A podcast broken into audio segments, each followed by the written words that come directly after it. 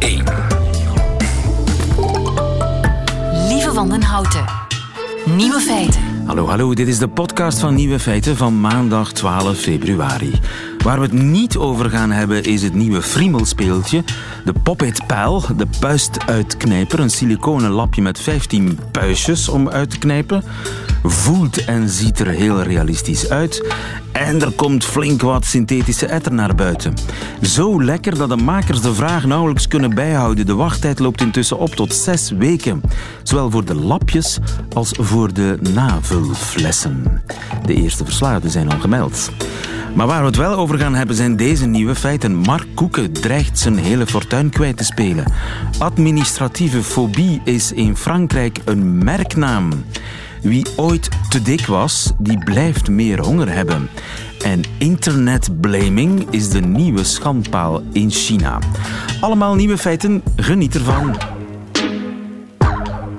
Nieuwe feiten. Even slikken toch. Bijna 2 miljard zou Perigo van uh, Koeken eisen, staat in de standaard. Perigo kocht drie jaar geleden Omega Pharma van Mark Koeken, maar het bedrijf voelt zich in het zak gezet en vraagt nu schadevergoeding. Goedemiddag, Pascal den Doven.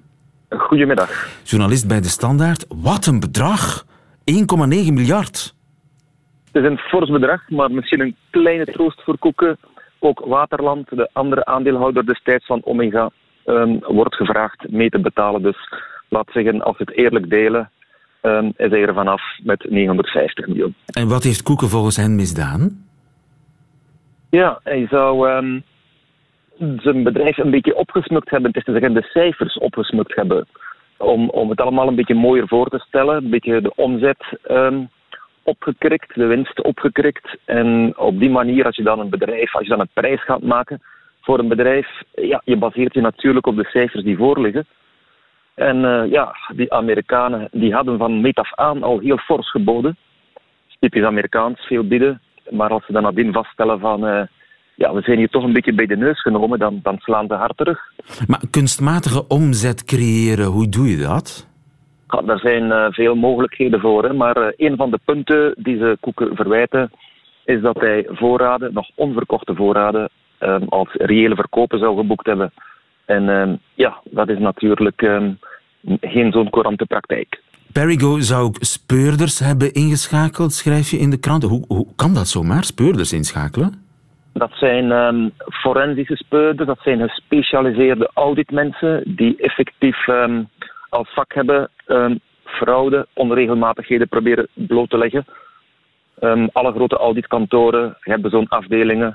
Dus uh, als je zo'n team wilt inhuren, ja, dan ga je naar PwC of EY, uh, noem maar op. En, en dan kan je dat. Ja, en, en die hebben naar het schijnt zelfs personeelsleden van Omega Pharma ondervraagd en mails uit, ja, opgespoord ze hadden daar natuurlijk een stapje voor. Hè. Ze hebben Omega Pharma gekocht. Dus al die mensen die vroeger voor koeken werkten en aan koeken rapporteerden, ja, dat waren nu allemaal mensen op de loonlijst van Perigo.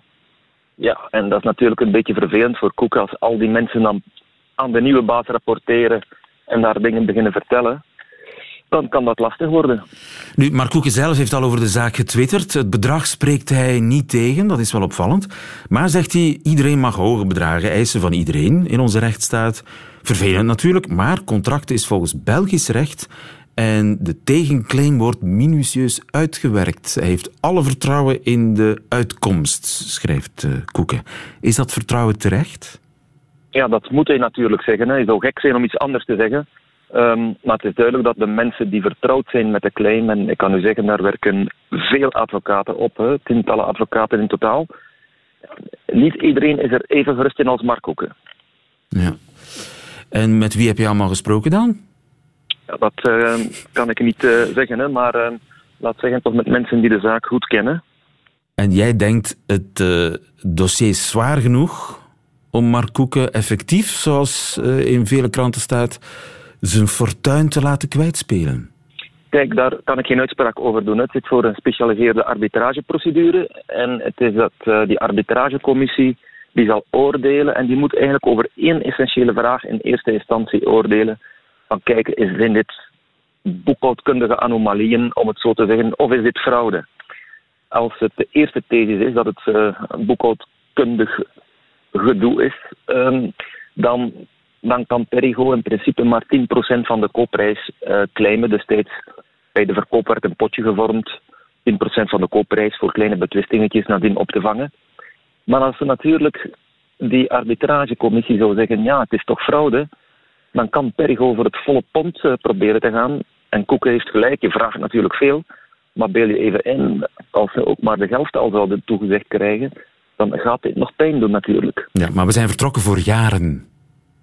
Ja, um, pas in 2021 um, zou Koeken weten waar hij aan toe is. En dat is natuurlijk bijzonder lastig. Hè. Dat is niet goed voor je nachtrust, uh, zo'n megaclaim. En ja, je weet natuurlijk ook niet financieel waar je gaat eindigen, hè, totdat die uitspraak er is. Ja, onzekerheid voor Mark Koeken, zeker tot uh, 2021. Ja. Pascal den Dove, dankjewel. Hey gedaan. What you say, what you say to love your brother? Hey now, what you say, what you say to love your sister? Hey now, what you say, what you say, you front street teacher? Gotta love, gotta love, gotta love, gotta love, gotta love, gotta love. Uh, uh, uh.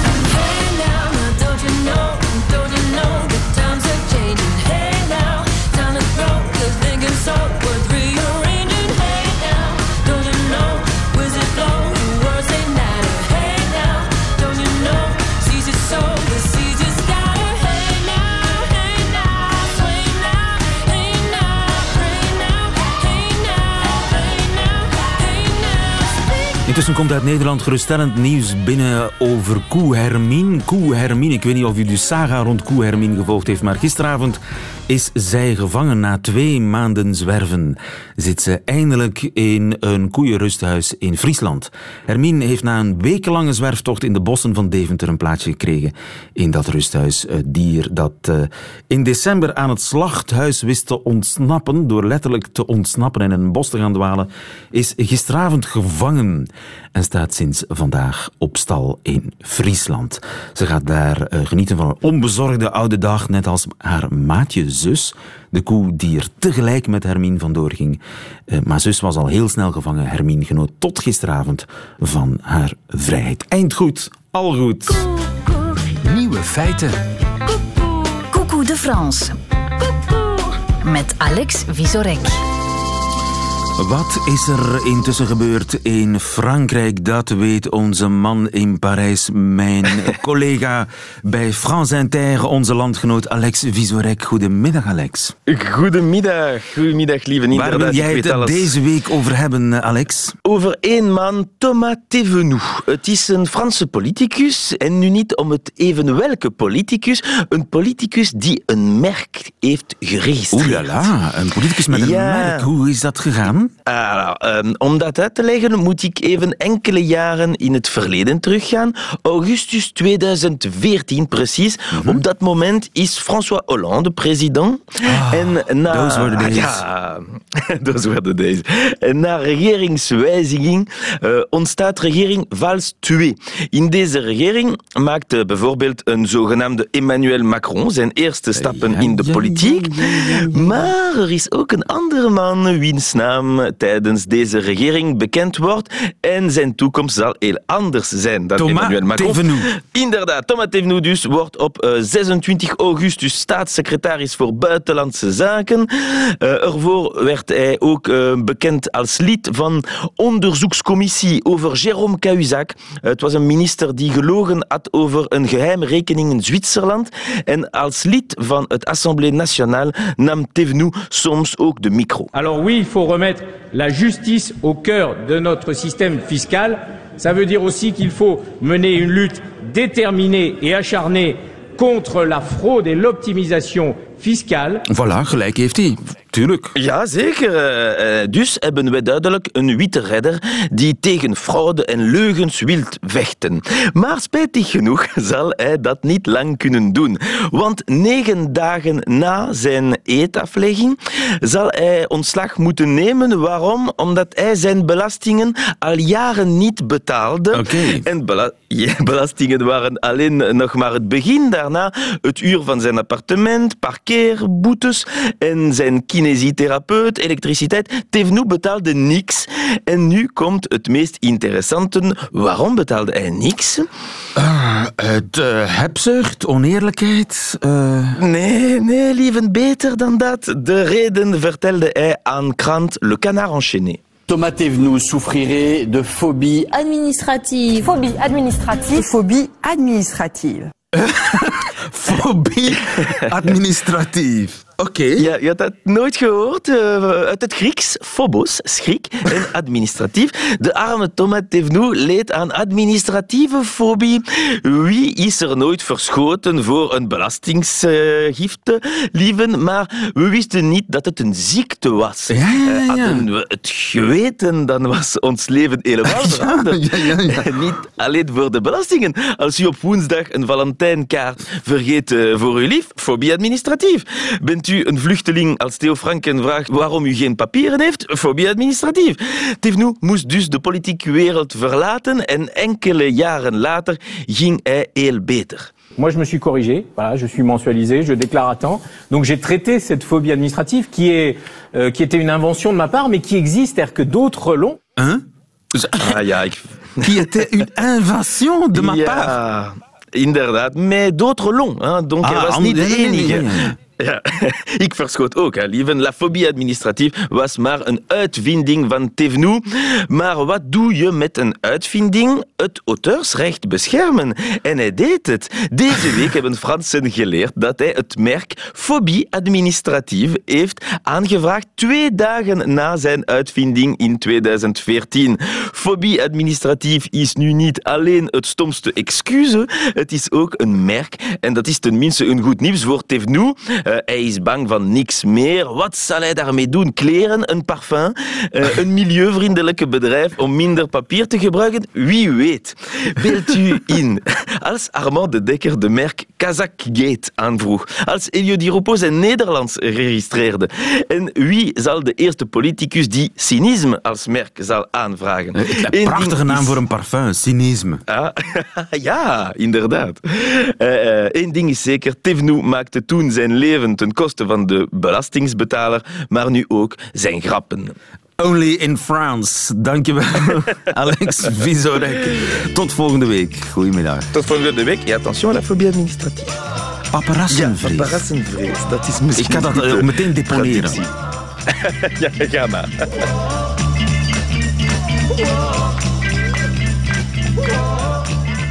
Tja, fiscale fobie hebben, je zal het maar uh, meemaken. Jodassin een sifflet sur la colline.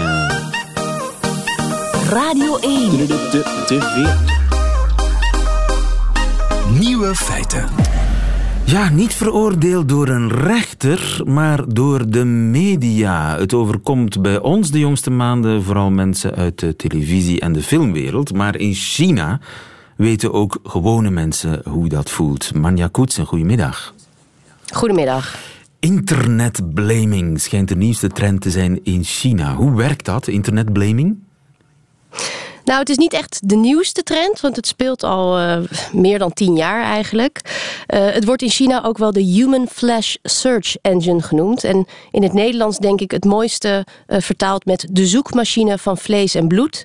En uh, waar het eigenlijk om gaat is dat je als gewone internetgebruiker anderen kan oproepen om jou te helpen wraak te nemen op een bepaald persoon door te zoeken naar zijn privégegevens en die dan openbaar op internet te maken. Privégegevens, dus naam, adres, alles? Uh, dat gaat van nummerbord tot telefoonnummers, adres waar iemand werkt. Uh, ja, dat gaat heel ver. Dus het is meer dan het publiek inschakelen om iemand op te sporen, wat bij ons ook wel gebeurt. Uh, ja, het is meer dan dat. Het is eigenlijk, ja, in de negatieve manier kan je zeggen, het is echt iemand aan de schandpaal nagelen. En uh, dat kan zijn om meerdere redenen. Dat kan zijn omdat uh, iemand corrupt is en dat ze vinden dat hij binnen de politiek op een verkeerde positie zit. Maar het kan ook zijn omdat iemand zijn hond een schop gegeven heeft op straat en dat net iemand dat toevallig met zijn mobiele telefoontje gefilmd heeft. Oké, okay, dus stel ik zie op straat iemand die zijn hond schopt, ik film dat, ik gooi dat op uh, Weibo, heet dat geloof ik, hè, in China? Uh, Klopt, Facebook. ja. Grootste social media platform ter wereld op dit ja, moment. Ja. Wauw, groter dan Facebook?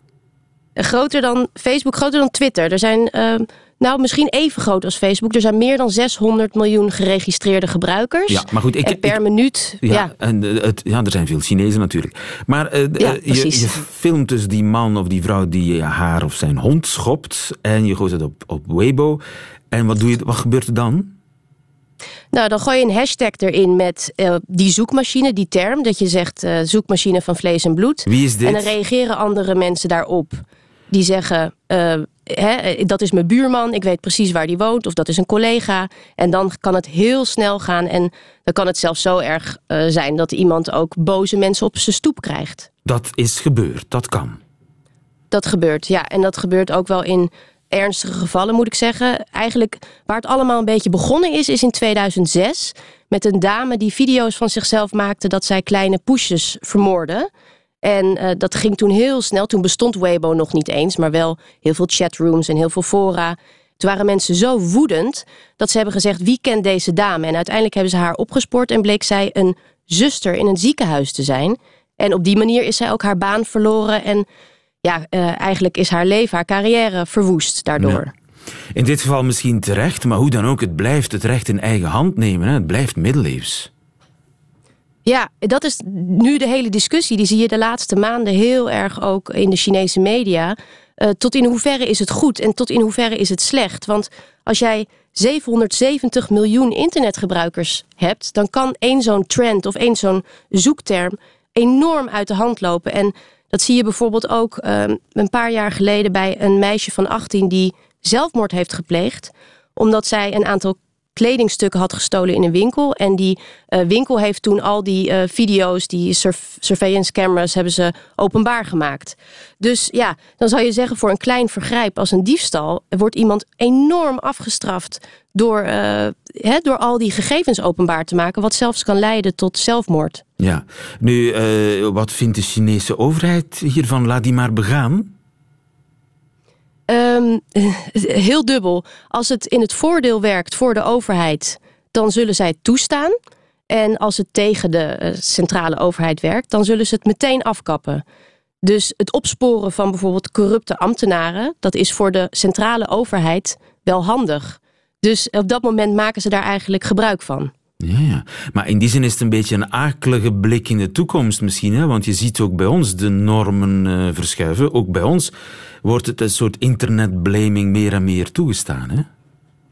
Ja, klopt. Het is eigenlijk dat Big Brother is watching you. Maar je dacht altijd Big Brother, dat is de overheid. Maar Big Brother, dat is nu ook je buurman hè? of eh, de supermarkt waar je naartoe gaat. Iedereen weet wie jij bent, wat je koopt, je adres, je telefoonnummer. En dat kan eh, tegen je werken. Ja, en iedereen kan om het even wie eh, ja, aanklagen en aan de, aan de schandpaal nagelen. Ja, ja, precies. Maar goed, eh, nogmaals, soms met positieve eh, effecten. Zoals bijvoorbeeld hele grote zaak in 2012... waarbij een corrupte ambtenaar liep met horloges... Waar, waarvan sommigen zeiden, nou, één zo'n horloge is al 60.000 dollar. En hij had er wel elf van. En die man die werd op een gegeven moment aan de schandpaal genaagd... toen hij stond te lachen bij een eh, verkeersongeluk. En uiteindelijk is hij ja, schuldig bevonden aan corruptie... en 14 jaar zit hij nu in de cel. Dus zo is het dat iets heel klein begint op social media. Dat iemand zegt, waarvoor staat die man te lachen bij een ernstig ongeluk? Dan zeggen ze, waarom heeft hij die dure horloges om? En voor je het weet, ja, zit er meer achter en eh, zit hij nu in, in de gevangenis. Internet, internetblaming eh, wordt alsmaar populairder. Een nieuwe trend is het niet, maar het eh, is populairder dan ooit in China. Manja Koetsen, dankjewel. Lieven van den Houten. Radio 1. Wie ooit te dik is geweest, die heeft meer honger. Dokter van der Schuren, goedemiddag. Ja, goedemiddag. Van het UZ eh, Gasthuisbergen in Leuven. Het is in Noorwegen dat er een eh, nieuw onderzoek gebeurd is. Een onderzoek waar 34 morbid obese mensen aan hebben meegewerkt. Die mensen zijn twee jaar lang gevolgd op hun eh, pad naar een dunner lijf, naar een gezond gewicht. Ze kregen de beste begeleiding, maar na een succesvol dieet kwamen ze bijna allemaal weer terug bij. En de grote schuldige, naar het schijnt, is het hongerhormoon. Wat is dat, het hongerhormoon? Wel, eh, er zijn twee schuldigen, maar dus een van de, van de schuldigen is inderdaad eh, het hormoon ghreline. En dat is eigenlijk iets dat al gekend is, dat uh, mensen die afvallen, die um, maken meer ghrelinehormoon. En ghreline wordt eigenlijk aangemaakt door de maag op um, maaltijdmomenten. Dus vlak voor het ontbijt, vlak voor het uh, middageten en avondeten. Dus is een hormoon dat over de dag heen fluctueert en dan hongersignaal zendt naar centraal. En wat men heeft vastgesteld bij mensen die 5 à 10 procent van hun gewicht verliezen, is dat dat hongersignaal verhoogt, dus dat de ghrelinspiegel eigenlijk uh, verhoogt, waardoor die Ah. mensen meer honger hebben, meer gaan eten, om te proberen dat gewichtverlies terug ongedaan te maken. Dus het lijf verzet zich tegen gewichtsverlies. Absoluut. Het lichaam is absoluut beschermd tegen gewichtsverlies. En wij als artsen weten dat ook wel, dat als iemand gewicht verliest zonder duidelijke reden, dus als iemand vanzelf begint gewicht te verliezen, is dat een alarmsignaal dat er iets grondig mis is. Dus het lichaam heeft een zeer sterke defense tegen gewichtsverlies. Nee, is niet eigenlijk een soort overlevingsmechanisme dat zich eigenlijk nu tegen dat vermagerde lijf keert. Absoluut, ja. Dus het probleem is dat er nooit een periode is geweest daar dat er altijd voldoende eh, voedsel aanwezig is, zoals we die nu kennen. En dus eh, er is geen verdediging van het plafond van gewicht. Dus bijkomen is heel gemakkelijk en blijft ook heel gemakkelijk, ook al is men al zwaarlijvig.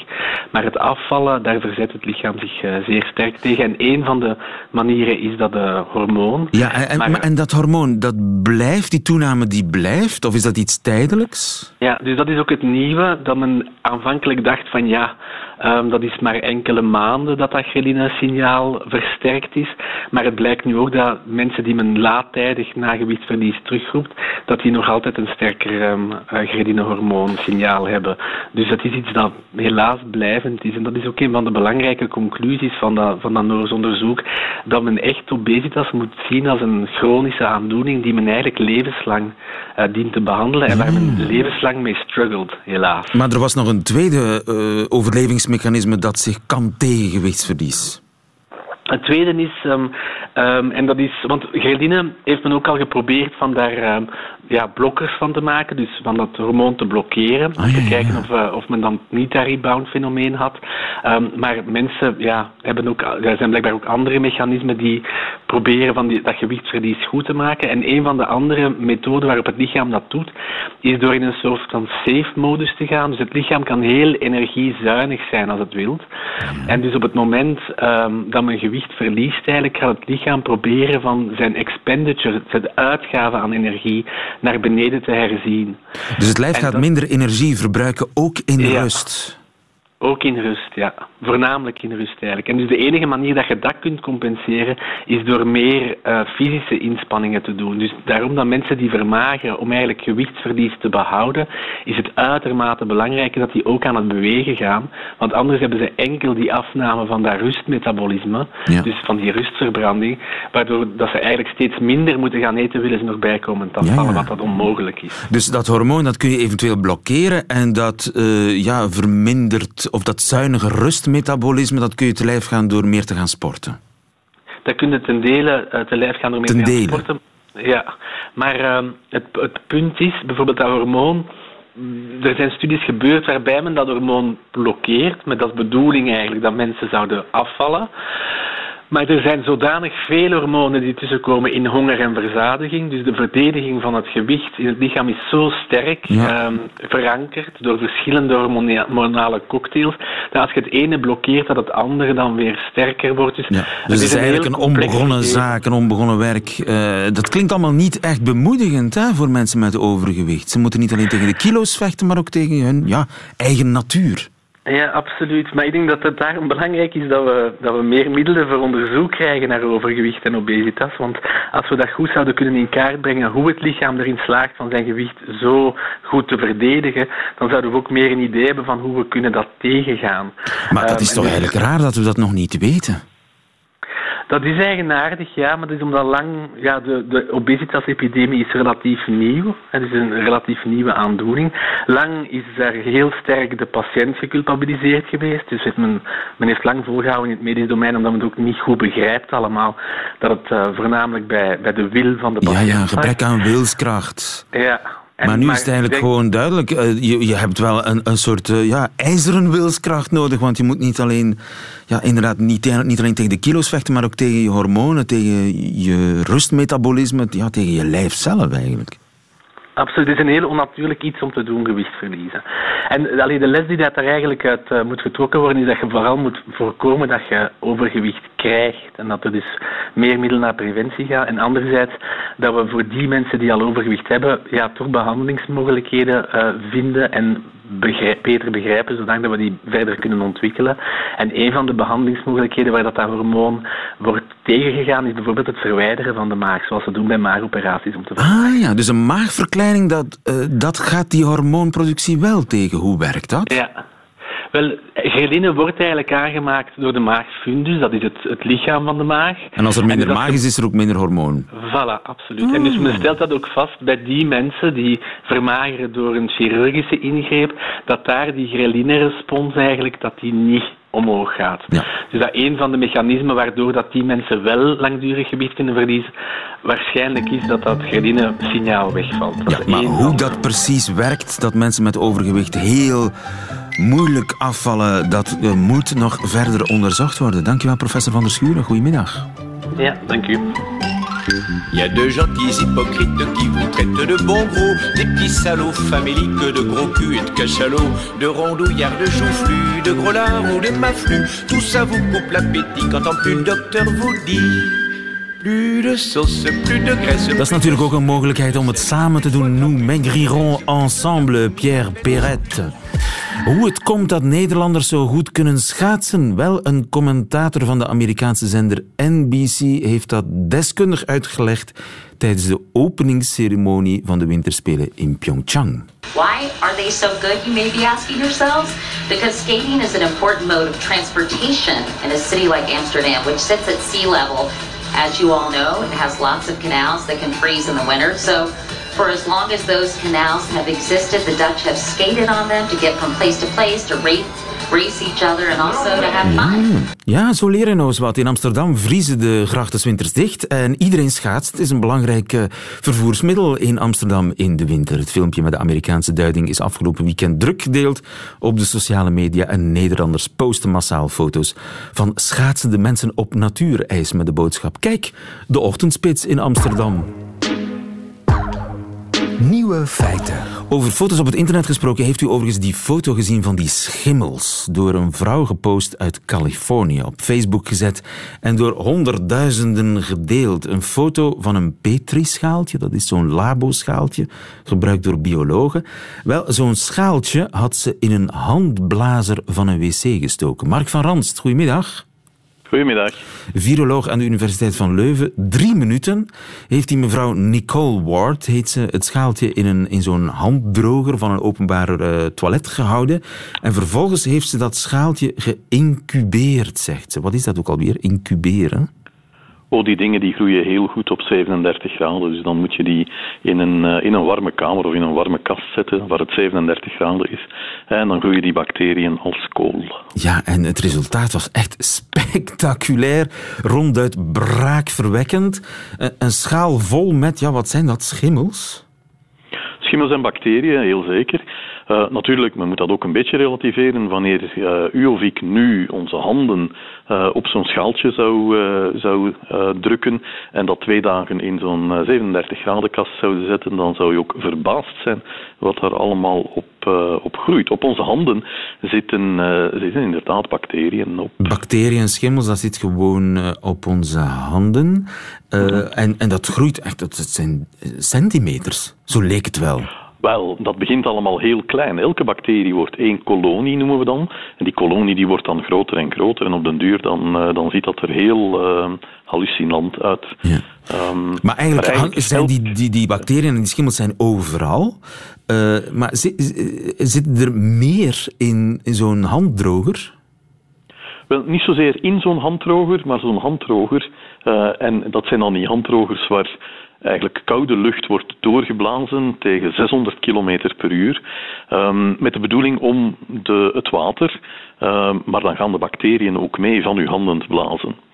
En dus wanneer u die, eh, die schaaltjes zou zetten, en dat hebben we in laboratoria ook gedaan, um, op een verschillende afstand, heel dichtbij, een beetje verder, nog een beetje verder van zo'n uh, zo'n uh, blazers, dan, dan, dan zie je dat die bacteriën ook zeer makkelijk verspreid worden in, in zo'n badkamer door die enorme snelheden die die lucht kan bereiken. Dus die, die, die blazen eigenlijk de bacteriën van uw natte handen die blazen de bacteriën van mijn natte handen, dus eigenlijk is het safe.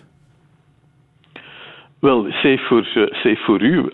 Um, niet zo safe voor diegenen die, uh, die in diezelfde badkamer uh, of toilet staan. Die krijgen dat dan wel op hun, ademen dat ook in. Op die manier wordt dat overgedragen.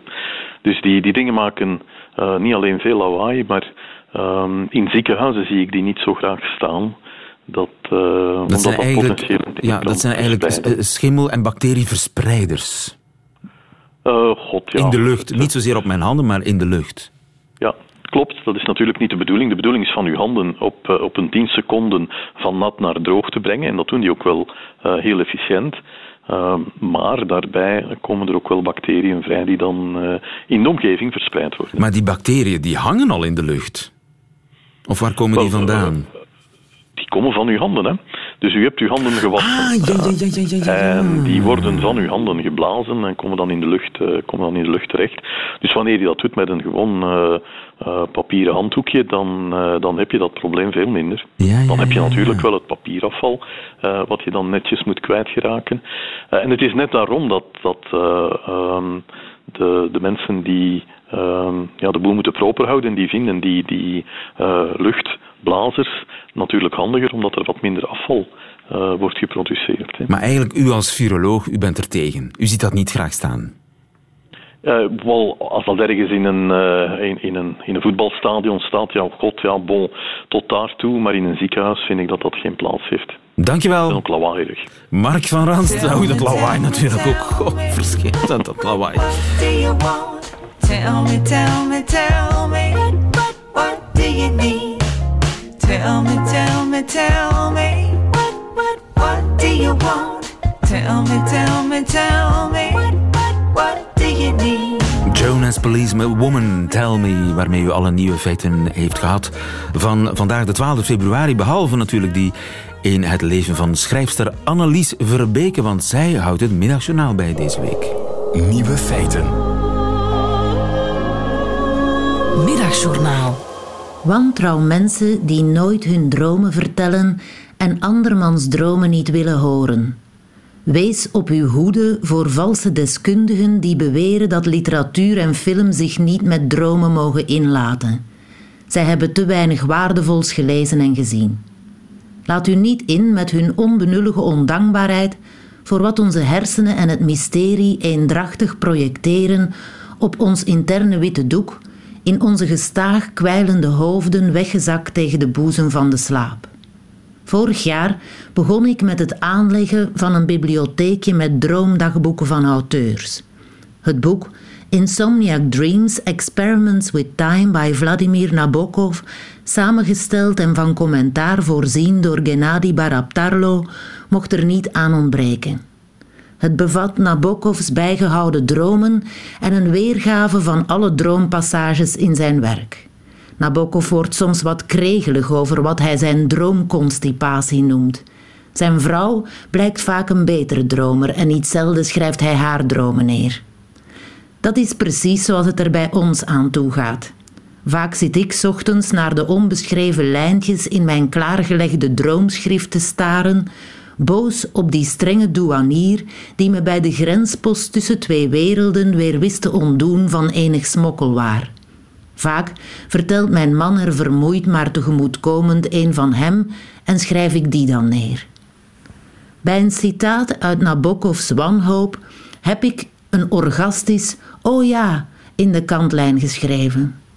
Al jaren vraag ik medemensen of ze die droomervaring met me delen, waarbij je een redenvoering geeft, helemaal meegevoerd door het belang en de poëzie van je woorden, dat je die in alle opzichten alles overstijgende woorden vervolgens wakker weet vast te houden en dat ze dan nonsens blijken. Enkel ritme, klank, gevoel. Ik had tot hiertoe niemand gevonden die deze ervaring met me deelde, tot Nabokov dus. Jaren geleden overkwam me iets gelijkaardigs. Niemand bleek de beangstigende ervaring te delen waarbij ik bij het wakker worden enkele seconden lang niet alleen niet wist waar, maar ook niet wie ik was. Ook die keer was de literatuur er om me te omarmen, want Thomas Transtromer beschreef precies hetzelfde in zijn gedicht De Naam uit 1970. Sindsdien noem ik het terugvinden van een eigen droom in iemand anders artistieke werk dan ook transdromen.